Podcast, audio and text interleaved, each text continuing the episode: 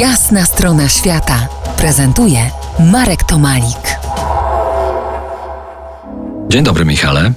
Witam serdecznie. Moim gościem po jasnej stronie świata jest dziś Michał Witkiewicz, podróżnik, dziennikarz, nauczyciel akademicki, prezes Polskiego Klubu Przygody, który przyjechał do naszego studia w Krakowie z Gdańska. Nie będziemy dziś rozmawiać o Twoich przygodach. Tematem naszej rozmowy po jasnej stronie świata będzie Romek Romuald Koperski, który nagle i dla nas niespodziewanie opuścił nas rankiem 23 listopada, wybierając się w swoją ostatnią i najdłuższą podróż. Pewnie jak ja i wielu nam podobnych odebrałeś te informacje z niedowierzaniem. Romek był w naszych oczach wulkanem życia. Tak, był wulkanem, był osobą niesamowicie aktywną. E, do ostatniej chwili tak naprawdę nie zdradzał e, wielu osobom informacji o tym, że był chory i do ostatniej, do ostatniej chwili dzielił się swoimi przeżyciami z wypraw, których naprawdę na swoim koncie miał co niemiara. Romek miał zaledwie 64 lata i pół. E, niemal dokładnie przed rokiem był gościem naszego programu Po Jasnej Stronie Świata. Zresztą spotkaliśmy się razem w Sopocie. My wszyscy we trójkę. E, był jak zawsze myślami rozpędzony ku drodze wtedy ku wyprawie samolotowej z Wrocławia do Tokio małym samolotem AN-2.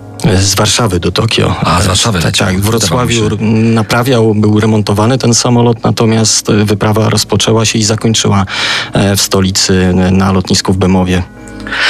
Dobrze. y, Romek Koperski, podróżnik, pisarz, przewodnik po Syberii. Tak przedstawmy tym, którzy być może nie kojarzą tej, tej postaci. Pionier wypraw samochodowych po rozległych terenach Syberii, pilot samolotowy, dziennikarz, nurek i zawodowy muzyk, pianista, rekordlista y, Księgi Guinnessa. Autor kilku znakomitych książek, taki powiedzmy polski Antoine de Saint-Exupéry. Mm, Mieliście razem wziąć udział w Festiwalu Podróżników w Rzeszowie, który się właśnie tam y, teraz odbywa. No tak, rozmawialiśmy nie tak dawno, dwa tygodnie temu, e, wybieraliśmy się do Rzeszowa. E, No niestety, Romka z nami już nie będzie, ale będzie jego dziedzictwo, będzie jego film, będzie opowieść o tym, jakim był człowiekiem.